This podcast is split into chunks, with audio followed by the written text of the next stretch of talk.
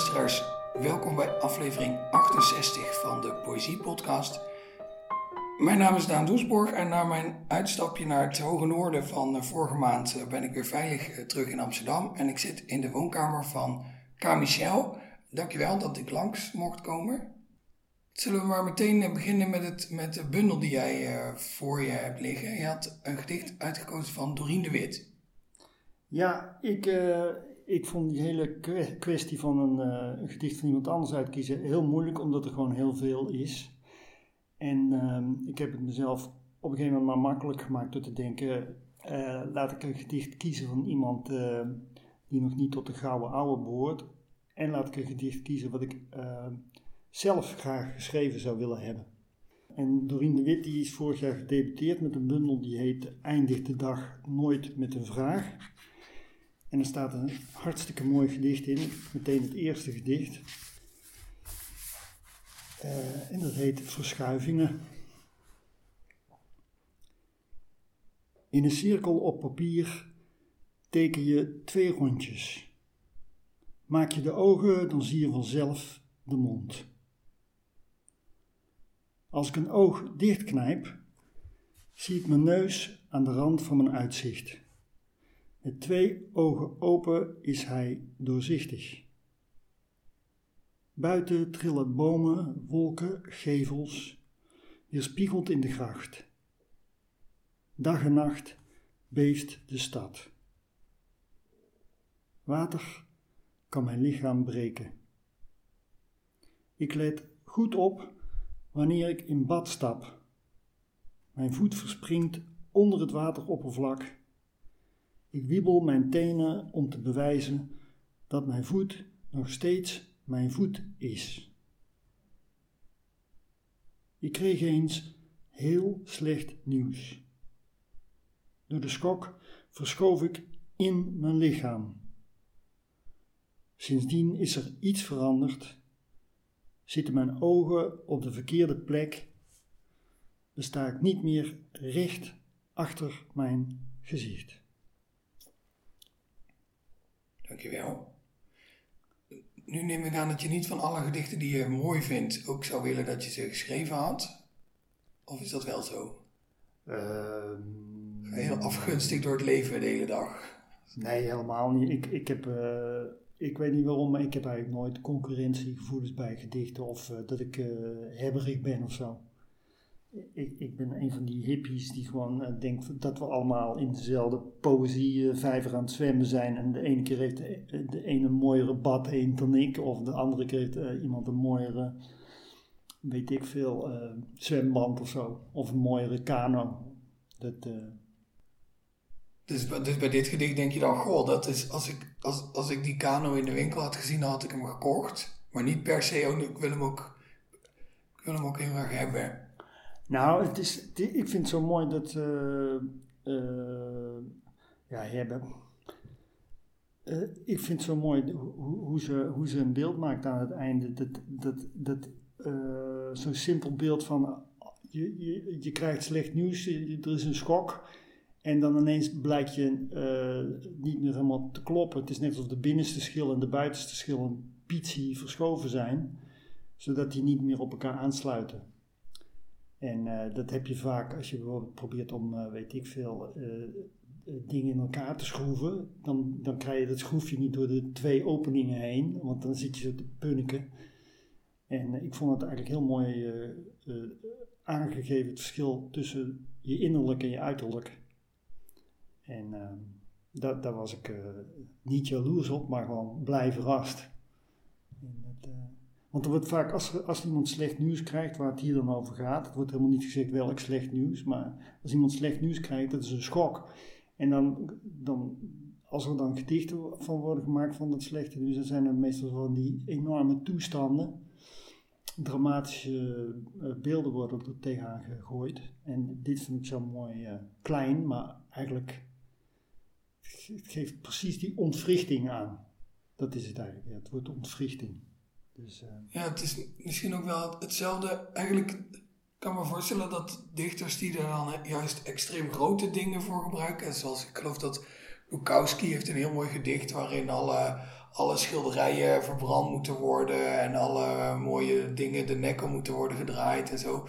Eigenlijk, het, het is eigenlijk in wezen hetzelfde gevoel, maar dan is het hier wat subtieler ja, nou uitgelegd. Ja, ja de, de, maar Bukowski kan, ik bedoel, soms, ik vind dat bluesy eh, gedoe van Bukowski soms ook heel mooi. Uh, zeker als hij op zijn best is, dan heeft het ook wel iets uh, alsof hij met een hamer precies in één klap op een spijker slaat. Maar dit, dit, uh, dit ja, die ontwrichting die hier wordt getoond, en dat wordt, die ontwrichting hier met die, met die, die ooggaten die niet meer op elkaar passen en zo, die wordt hier ook mooi ingeleid doordat als je in bad stapt of je stapt in het water, dan, dan zie je door de breking van het licht dat je ineens een soort scheef been krijgt. Uh, en die simpele ontwrichting, die, die kent iedereen wel, die, wordt dan, die is een soort uh, vooraankondiging van dat andere beeld.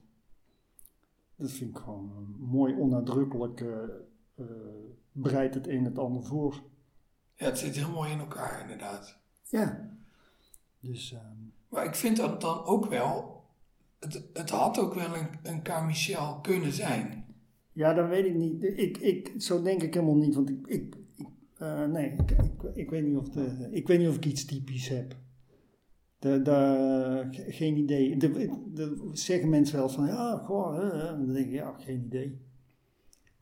Ik ben eigenlijk niet bezig om mezelf te zijn, eerlijk gezegd. Of om op mezelf te lijken. Ik ook niemand. Nee. Maar, uh, nou, ja, ze zijn er wel inderdaad. Er zijn veel identiteitsmaniakken die, die, die uh, een soort corporate identity van zichzelf willen maken.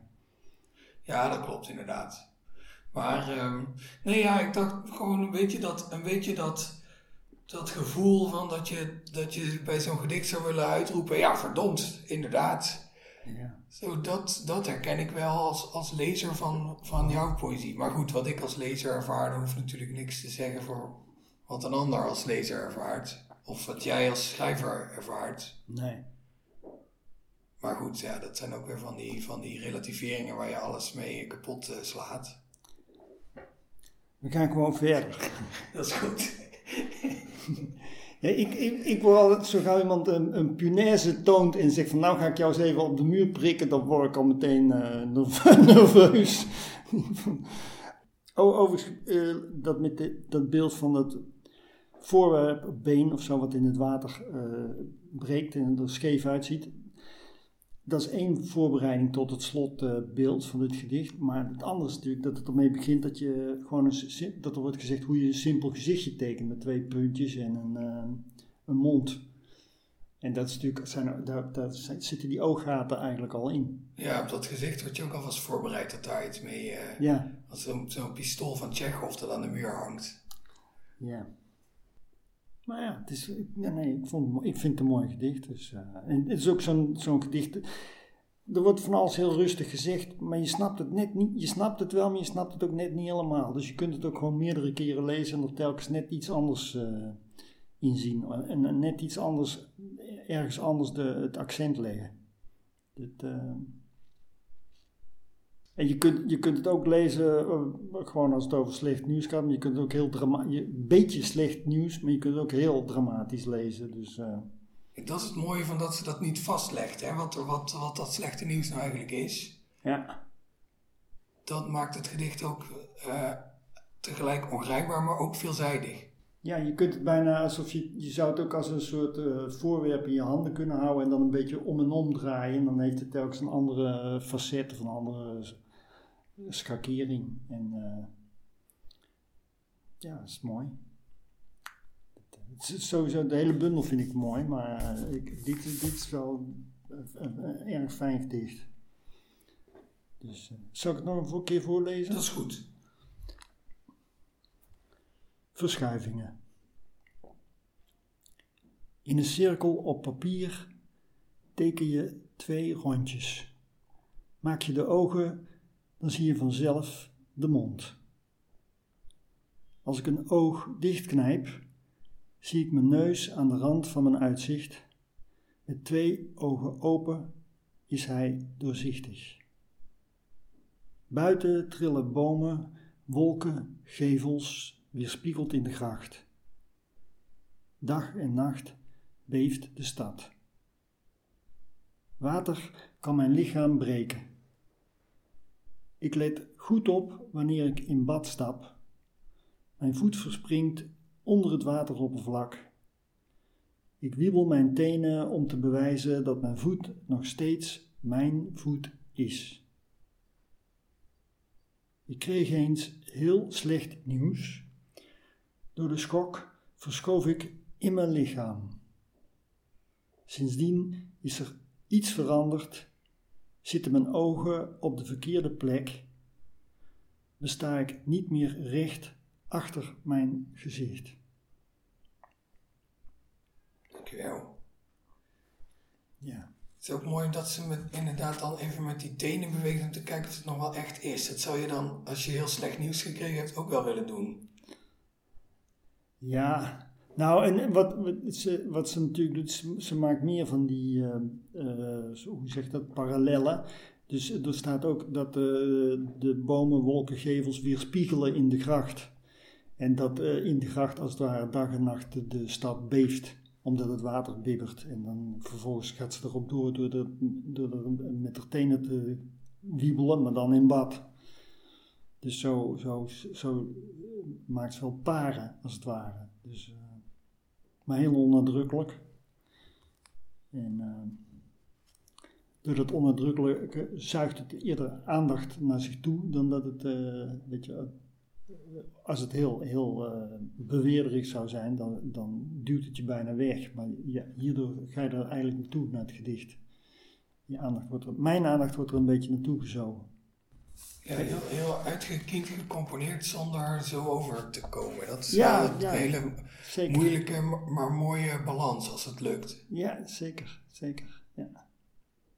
Eh, nu heb jij in hetzelfde jaar dat eh, Eindigt de Dag Nooit met een Vraag uitkwam, heb jij ook een bundel uitgebracht? Toch? Die is ook van vorig jaar, dacht ik, of niet?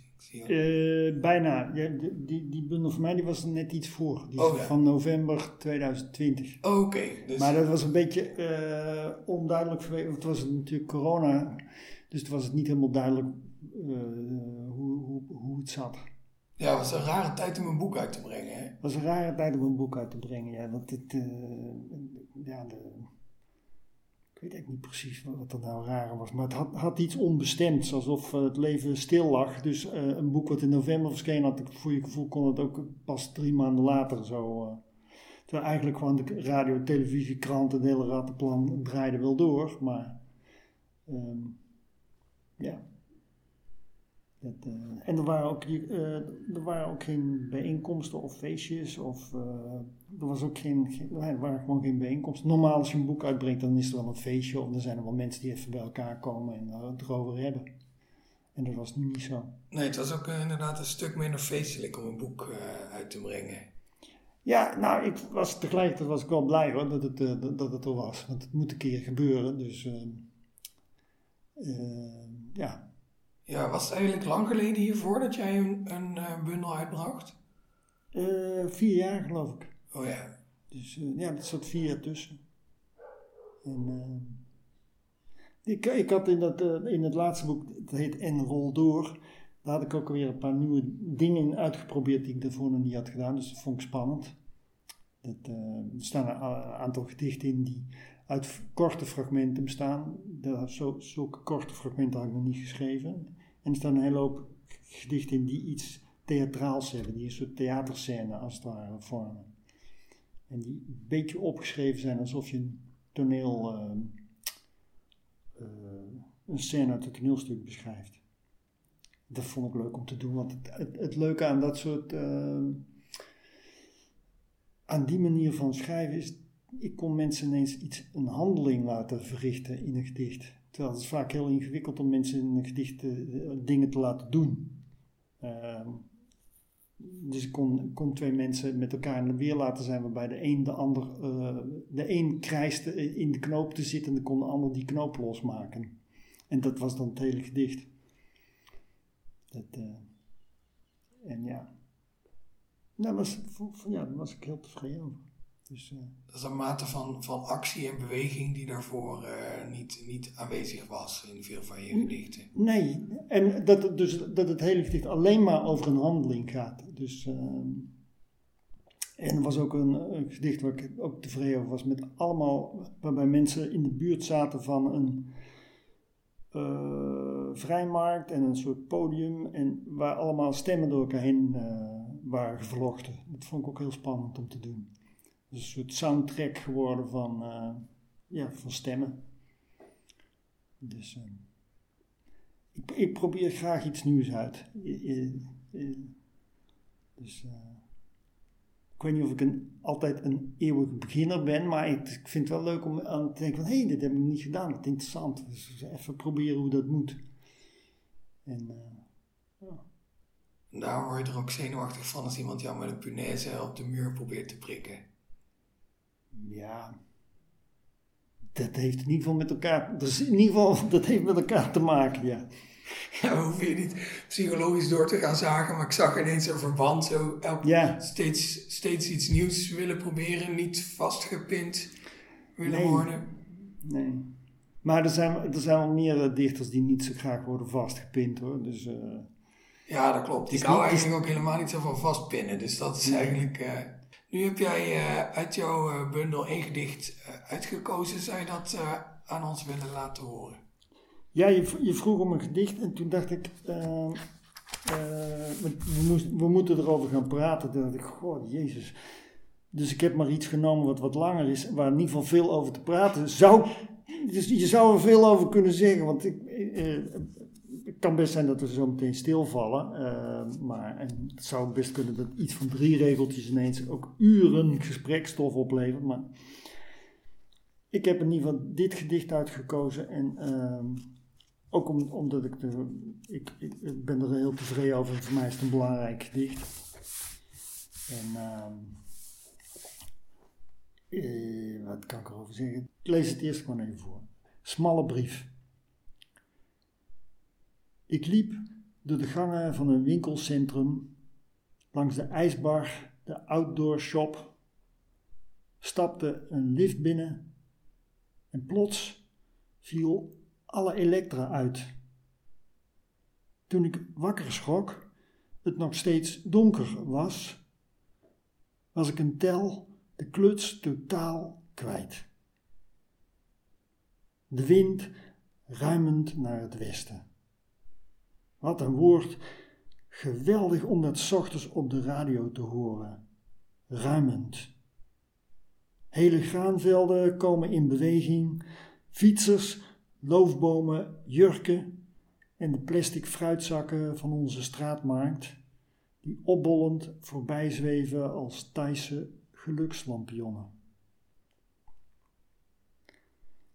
Stel je voor dat de maanlanding niet verwees naar de Apollo 11, maar naar een neerdaling op bijvoorbeeld Las Vegas.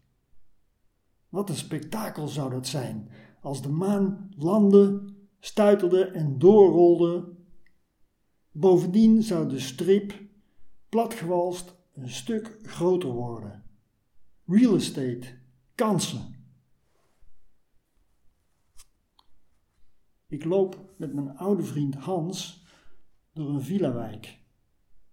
We hebben een museum bezocht, rode ellipsen, blauwe bogen die de horizon doen kantelen. Dat hij doodziek is, is geen onderwerp. We praten over wat we kunnen zien. Hoe in de siertuinen voor de rieten daken her en der te koop staat. De crisis zich overal gelden laat hoe die bordjes altijd uit het lood staan, ook hier scheef. Vroeger liepen we ook vaak zo. Vaak met lange Jan die ons liet zien hoe je met een bamboestok de schakelaar in de gevel van een bankgebouw kon bedienen, zodat het gele logo machtig stralend op het dak boven het stadsplein uitvloekte weer aan, weer uit en de kantoorkolos de hik leek te hebben. Nauwe hotelkamer, verslagen zit ik op de bedrand, kijk in de kastspiegel naar mijn knieën. Gewoon knieën. En daar verschijnt aan mij, vaag maar onmiskenbaar, het hoofd van Picasso, glanzend als de maan, links. En rechts het nobele gelaat van Captain Picard, sereen als in Star Trek. En zij brengen goede moed en doen het suffe licht trillen als sterrenstof. Het blijft belangrijk, vrienden, om muren blauw te verven, je hoofd te stoten en al je meningen te veranderen in aria's van een degenslikker. Om de kamerplanten water te geven door een sigaar onder de rookmelder te houden. Om in de vochtvlekken op het plafond zowel schreeuwmonden te zien als pioenrozen. Om in de metro een zeemermin te horen in de bocht even voor Waterloopplein. Belangrijk ook om in ooghoogte te variëren, de zwaarte te negeren, altijd de trampoline te verkiezen boven de touwladder. Plan B. Leviteren is een kwestie van goed ademhalen. En als je een lepel sambal eet, kun je horen wat piloten zeggen in overtrekkende vliegtuigen. Dankjewel. Ja, het is best lang hè? Ja, ik hou wel van lange gedichten. En ik moet zeggen, ik, want je stuurde me dit gedicht uh, van de week en ik werd er heel erg vrolijk van. Oh, nou, heel goed. Is het, is het voor jou ook een vrolijk gedicht? Of, uh... Nee, nee, nee, voor mij totaal niet. Maar dat geeft niks. Het, uh, het, is, een dubbel, het is dubbel van gevoel. Maar waar, waar ben je er vrolijk van? Ja, ik wil het natuurlijk niet reduceren tot een gedicht dat alleen maar vrolijk is. Want nee, er zit inderdaad een dubbele, dubbele bodem in. Maar over het algemeen dacht ik, er spreekt een soort, er spreekt een soort uh, verwondering uit. En die aan het einde ook bijna een soort, hè, met dat vrienden, een soort advies wordt. Van nou, laat je nou maar gewoon ver, verwonderen door de wereld. Mm. En dan, dan daar, wordt het, daar wordt het leven leuker van. En hè, ook die stelligheid waarmee je dan gezegd wordt, nou, als je sambal eet, kan je horen wat piloten zeggen in overvliegende vliegtuigen. Mm. Uh, terwijl, ja, je, je, kan je afvragen of dat, of dat zo is of niet, maar ja, je kan het in ieder geval proberen. Dat is zeker zo. Ja, precies. dat, en dat, dat gevoel en die, die uh, uh, kom op, ongewone dingen doen. Ook het idee om met een bamboestok het, het uh, neon logo van een bankfiliaal uit te klikken, werd ik ook heel vrolijk van. Ja, dat, is, dat is eigenlijk waar, waarom. Mm. Nee, wat je zegt, dat klopt ook allemaal wel. Maar het, het is ook, er zit ook een soort tegenkleur in, een wat donkerdere kleur. En uh, ik, ik hou er altijd wel van uh, uh, om een soort donker en licht te, te, mengen of tegen elkaar aan te zetten. En om iets wat, laten we zeggen, droevig is en iets wat vrolijk is bij elkaar in de buurt te plaatsen. En dat is hier eigenlijk ook zo, maar het is allemaal niet heel vet aangezet. Dus ja, het eindigt met een soort oproep voor de verbeelding, hè? om te zeggen van uh, je moet muren blauw blijven, blijven verven en toch je hoofd stoten en zo. Uh, maar er zit ook iets dramatisch in, in die zin dat het ook over iemand gaat, een goede vriend van mij die overleden is. En uh, waarmee ik dus uh, veel optrok. En ehm, dus die, dat, dat, dat zeg ik niet met zoveel woorden, maar die, dat zit er ook in. En er zit ook, ik, ik, weet niet of je dat is opgevallen, er zit ook een soort ehm, het begint ook met een droom. Dus ik droom over iets. En uh, in die droom valt het licht uit. En terwijl ik wakker schrik uit die droom waar het licht uit is, word ik in donker wakker. Dus het is nog steeds donker. Uh, terwijl dat, dat uh, ja, de droom gaat over in het, het donker van de droom gaat over in het donker van de slaapkamer. Dus, maar aan het einde is er ook een soort lichter moment. En wat, wat een beetje in het gedicht zit, is ook die een beweging naar, boven toe, uh, want naar boven en naar beneden, want het, vervolgens gaat het over de maan die, die naar beneden valt.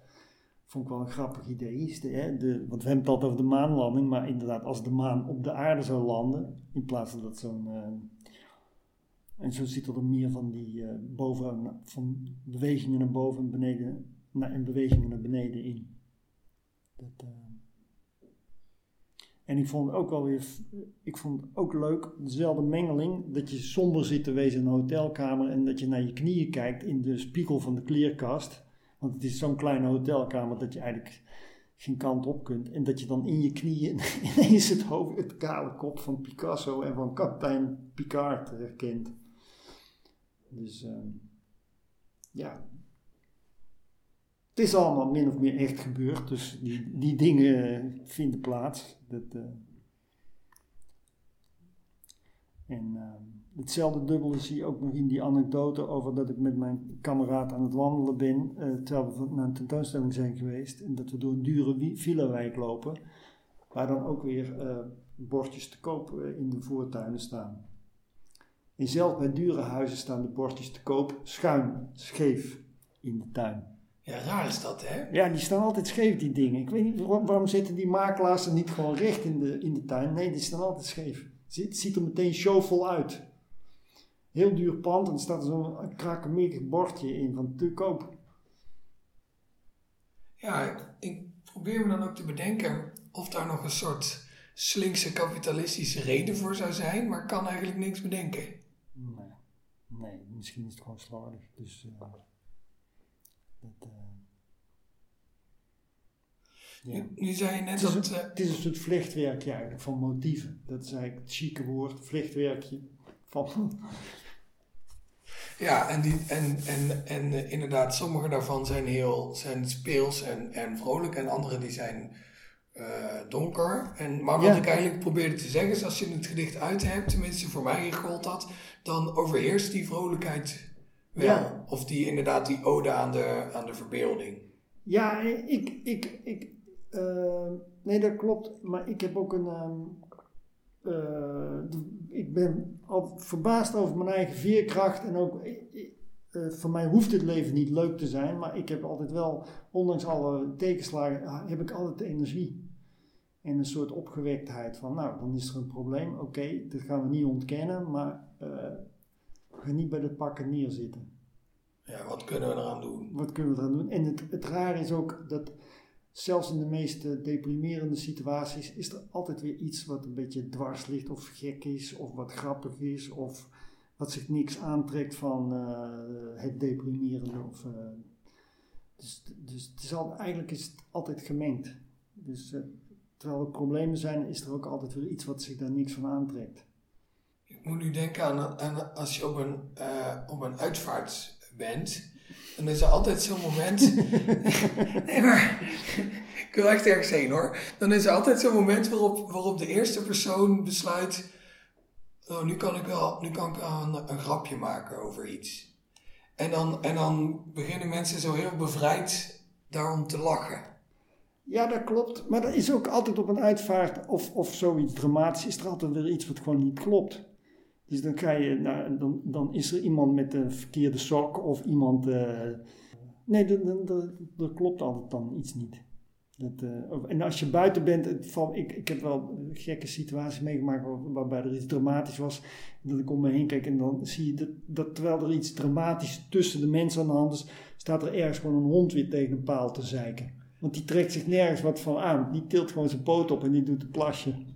Of zo, zo uh, ja, eigenlijk, eigenlijk zijn situaties nooit helemaal homogeen. Dat ze uh, uit één ding of één kleur of één gevoel bestaan. En uh, dat is, ik vind het eigenlijk wel fijn. Dat, uh, het zou ook heel saai zijn, denk ik, als dat niet zo was, toch? Ja, dat, ja. Maar dat, ja, ik, ik, dat valt me dan gewoon op. Ik heb ook wel meegemaakt dat op, op een begrafenis er bijvoorbeeld iemand gewoon in de lach schoot omdat er iets absurds in de gang was. eigenlijk was ik zelf die in, de lach schoot. ja, ik zal hier toegeven dat ik ook wel eens in de lach ben geschoten op een, uh, op een begrafenis. En volgens mij is dat ook heel goed om een keer mee te maken. Ja. Dat, uh, ja. En hebben we het dan over even in de lach schieten of echt gewoon de slappe lach hebben? Nee, even in de lach. Oh ja. Even in de lach. Je moet natuurlijk niet andere mensen... Nee, nee, nee, dat is waar. Maar het zal, het zal maar het zal maar gebeuren. Ik weet van mijn moeder dat ze een keer de slappe lach heeft gekregen op een begrafenis. En toen heeft ze daar gezegd in haar handen begraven alsof, alsof... En toen dacht iedereen, ach wat zit dat meisje daar onbedaarlijk te huilen. Ja, dat is dan toch ook alweer heel mooi. Dus, uh, maar dat is, dat, dat is op zich wel... Uh, die manier van, van kijken is ook wel uh, fijn. Dat je gewoon verschillende aspecten van iets ziet of verschillende facetten. En, je hoeft natuurlijk niet alles tegelijkertijd uh, tot je door te laten dringen, maar het heeft wel, ik vind het wel iets rijks hebben. En, uh, ja, om, om meerdere dingen tegelijk uh, te beleven of te registreren. Of, en het is ook, ook prettig om dat op te schrijven. Ik, ik weet niet, heeft iets rijks. Ik had een gedicht kunnen schrijven over wat, wat, wat jammer dat mijn kameraad is overleden. Of maar dit is, dit is dit, ook de persoon wordt hier meer recht gedaan door er allerlei dingen nog een beetje aan toe te voegen of omheen te zetten. En het een beetje in te bedden. En uh, uh, ik vind het ook mooi om een paar dingen te schetsen die, die, die minder leuk zijn. En dan een, met een soort ja, goede moedachtige oproep aan de verbeelding om de proppen te komen. En wat ook wel weer grappig is, is om, om stiekem te hebben over iemand die overleden is en dan aan het einde te komen met een soort uh, aanwijzing over hoe, hoe je uh, kunt leviteren. Dus leviteren als je opstijgt. Hè. Uh, normaal, in de christelijke manier van denken, ga je toch altijd de lucht naar, naar, de hemel als je doodgaat en zo. Dus, maar dan leviteren is dan nu je eten je eet een um, sambal en dan kun je horen hoe piloten uh, aan het praten zijn in vliegtuigen die over je heen vliegen. Dat vind ik leuk. En ook een mooi beeld, omdat je ineens denkt van hé, hey, van beneden naar boven met een, er wordt een band gemaakt tussen beneden en boven door zoiets idioots. Dus, uh, maar het is op zich, als je wel eens een, per ongeluk een eetlabel sambal op hebt, dan, dan, weet je dat het tot de mogelijkheden behoort. Want je, je maakt wat mee. Ja, ik heb het nog nooit geprobeerd, maar ik, krijg wel bijna zin om het een keer te doen. Ja, het, uh... je haren staan overeind, al je poriën uh, gaan open. En je denkt van wauw.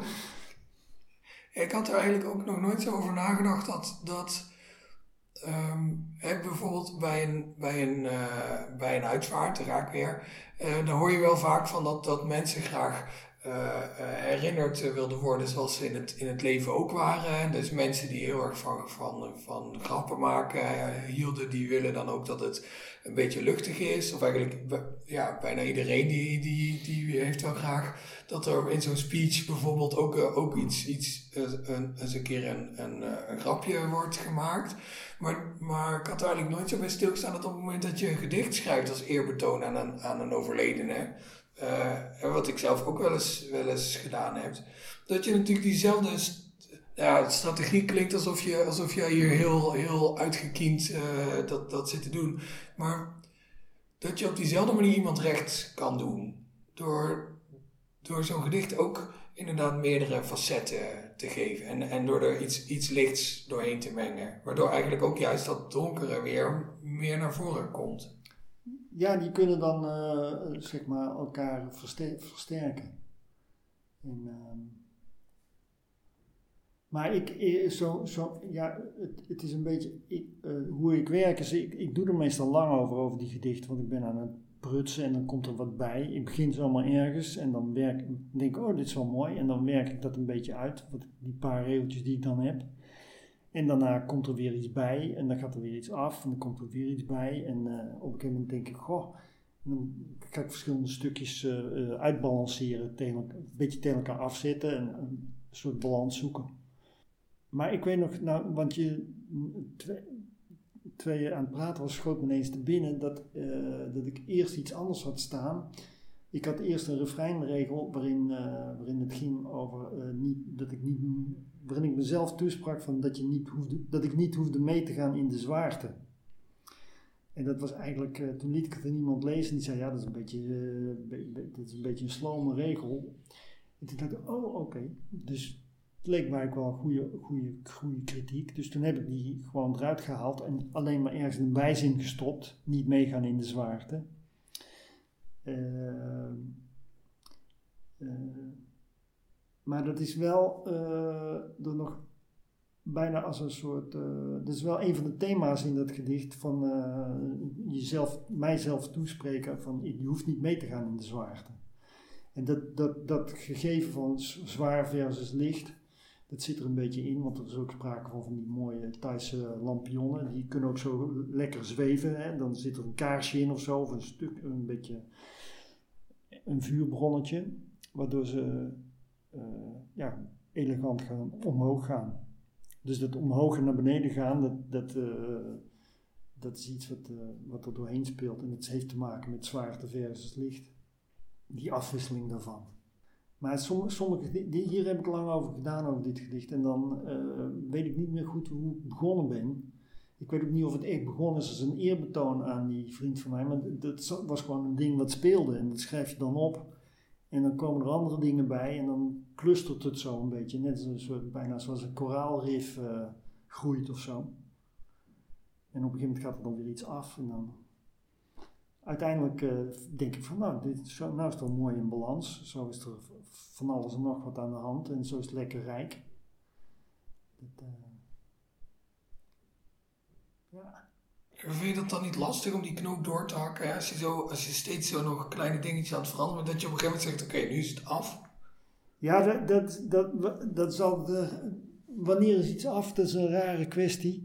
Want als je, daar kun je over na proberen te denken. Van, je probeert eh, alsof je eh, mentaal vaststelt van nu is het inhoudelijk af of zo. Maar bij mij is dat niet zo. Bij mij is het zo dat het bijna fysiek wordt eh, het is bijna een lichamelijk gevoel van nou, ben, uh, nou is het af, maar dat is ook een variant op nou ben ik het zat, nou is het uitgeput.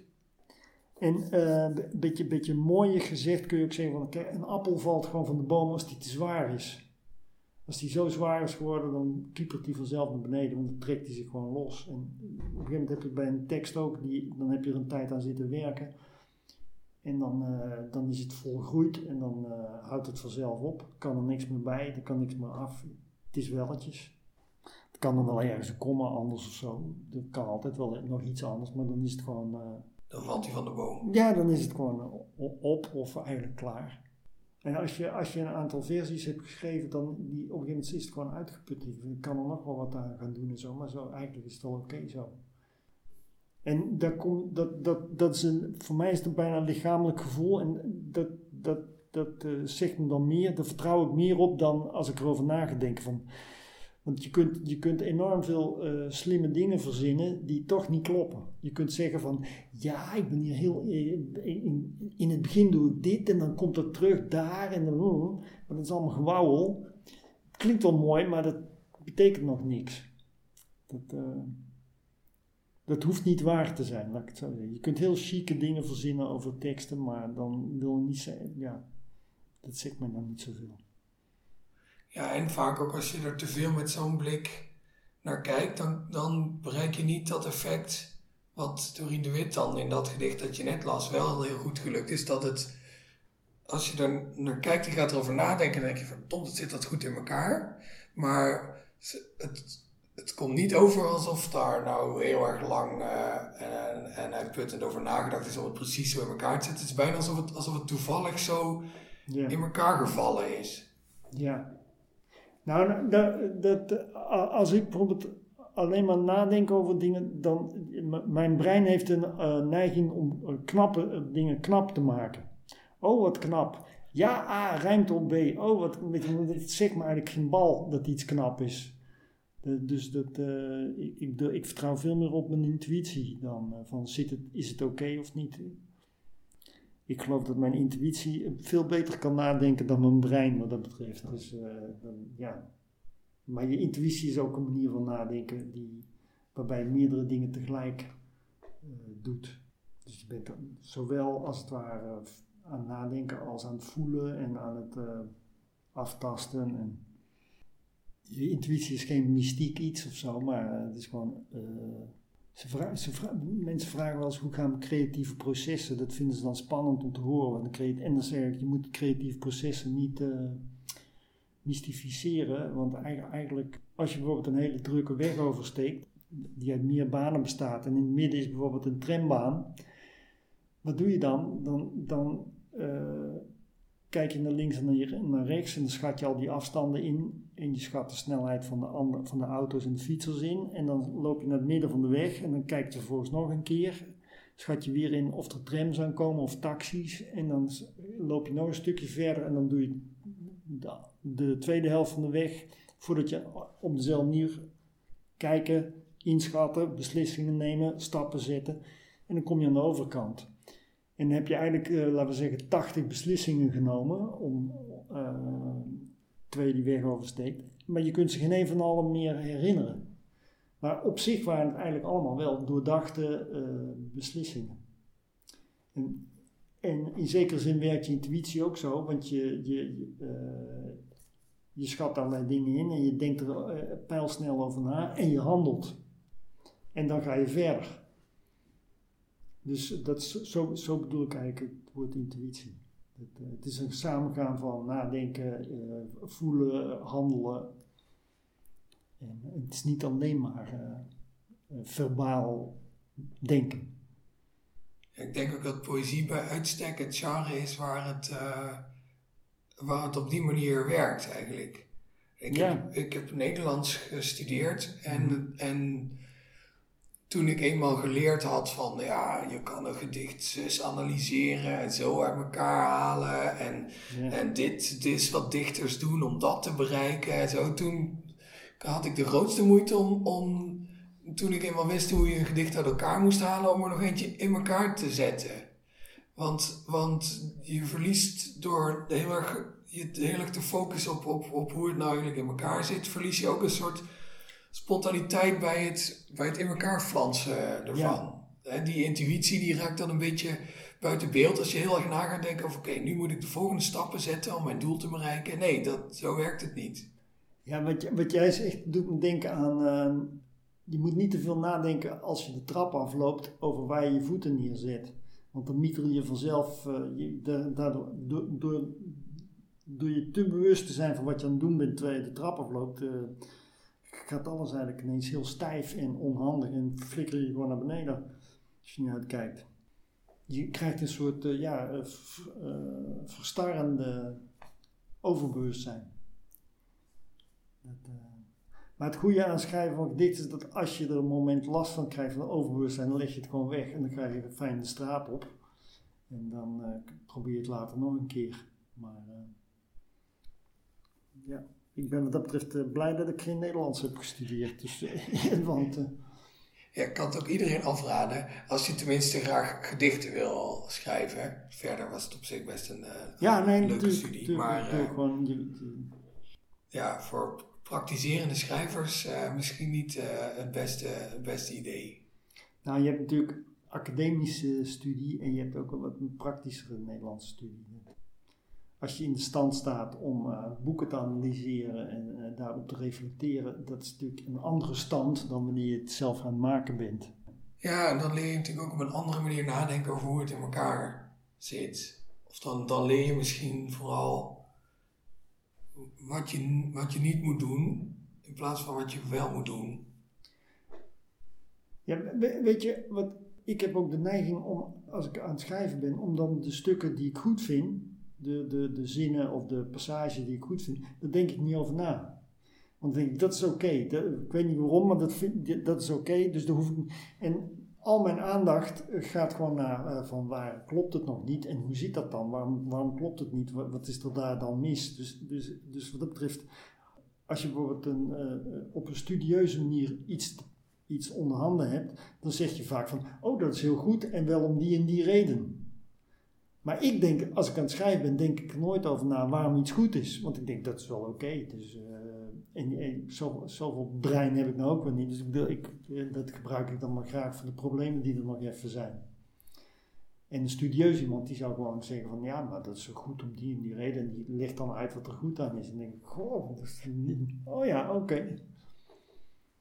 Dus uh, daar heb ik tijdens het schrijven eigenlijk helemaal geen, geen, geen aandacht voor.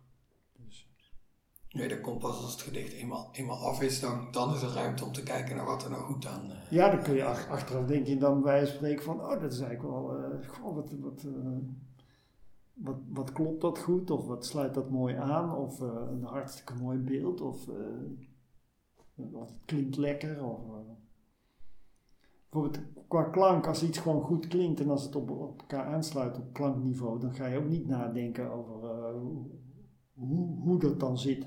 Of waarom het qua ritme en qua metrum eventueel, waarom het lekker loopt. Het loopt gewoon oké. Okay. Ja, bij een regel die goed loopt ga je ook niet tellen van nee. klopt het metrum wel. Nee, je voelt dat het klopt. Ja. Oké, okay, volgende. Ja. ja, want er is altijd wel iets waar je nog even naar moet kijken. Wat, wat nog niet... Uh, deugd. Of, uh... Zou je onze luisteraars nog een keer in de gelegenheid willen stellen om, om te horen wat er allemaal wel mooi uh, is door je gedicht nog een keer voor te lezen?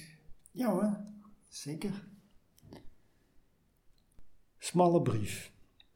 Ik liep door de gangen van een winkelcentrum langs de ijsbar, de outdoor shop, stapte een lift binnen en plots viel alle elektra uit.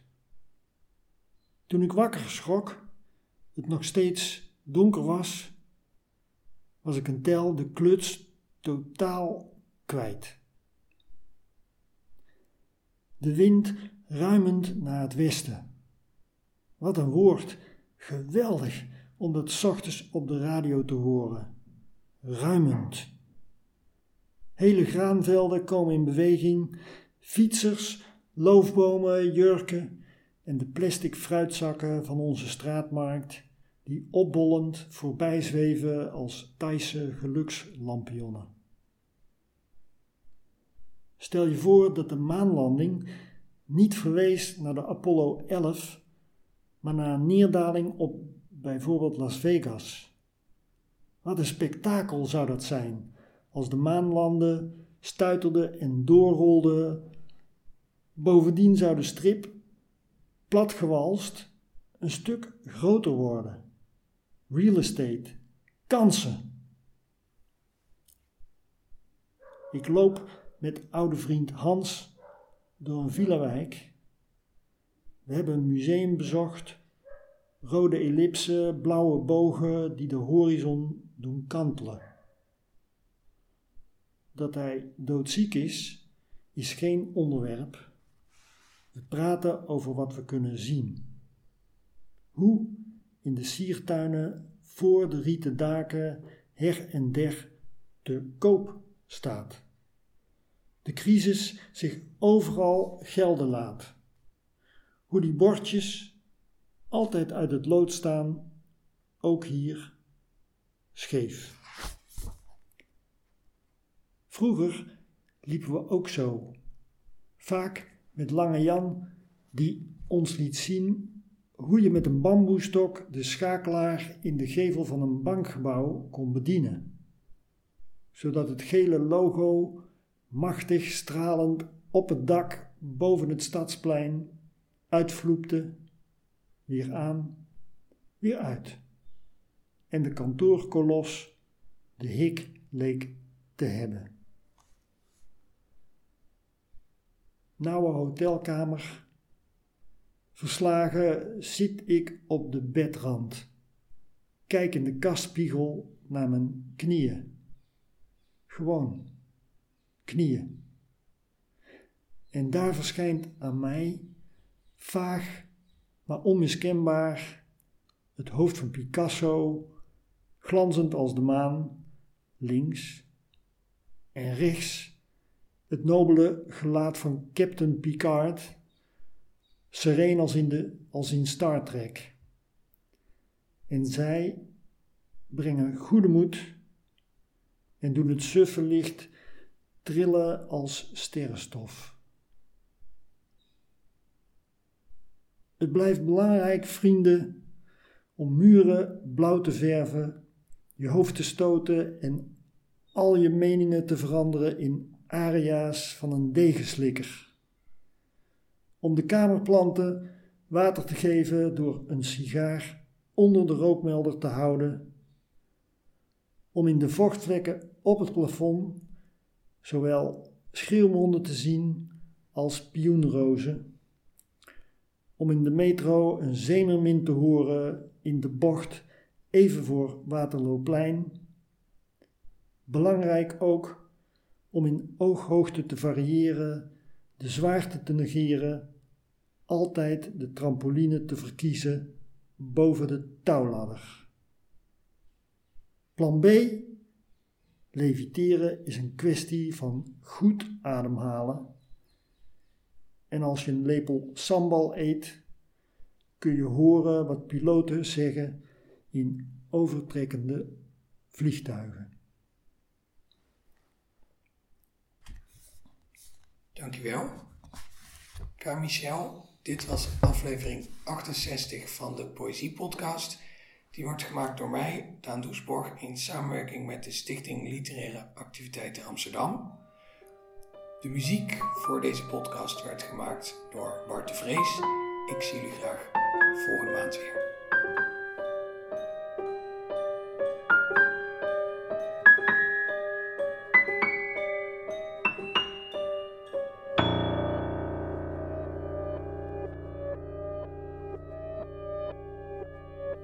Je luisterde naar een aflevering van de Poëzie Podcast.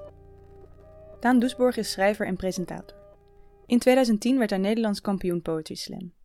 Momenteel werkt hij aan zijn debuutroman, die zal verschijnen bij uitgeverij Van Oorschot. De Poëzie Podcast wordt mede mogelijk gemaakt door de Stichting Literaire Activiteiten Amsterdam. Bij ons draait alles om literatuur. We maken programma's voor de hele stad, online en offline. Al onze podcasts zijn ook te beluisteren via onze website www.sla.nl/slaakast.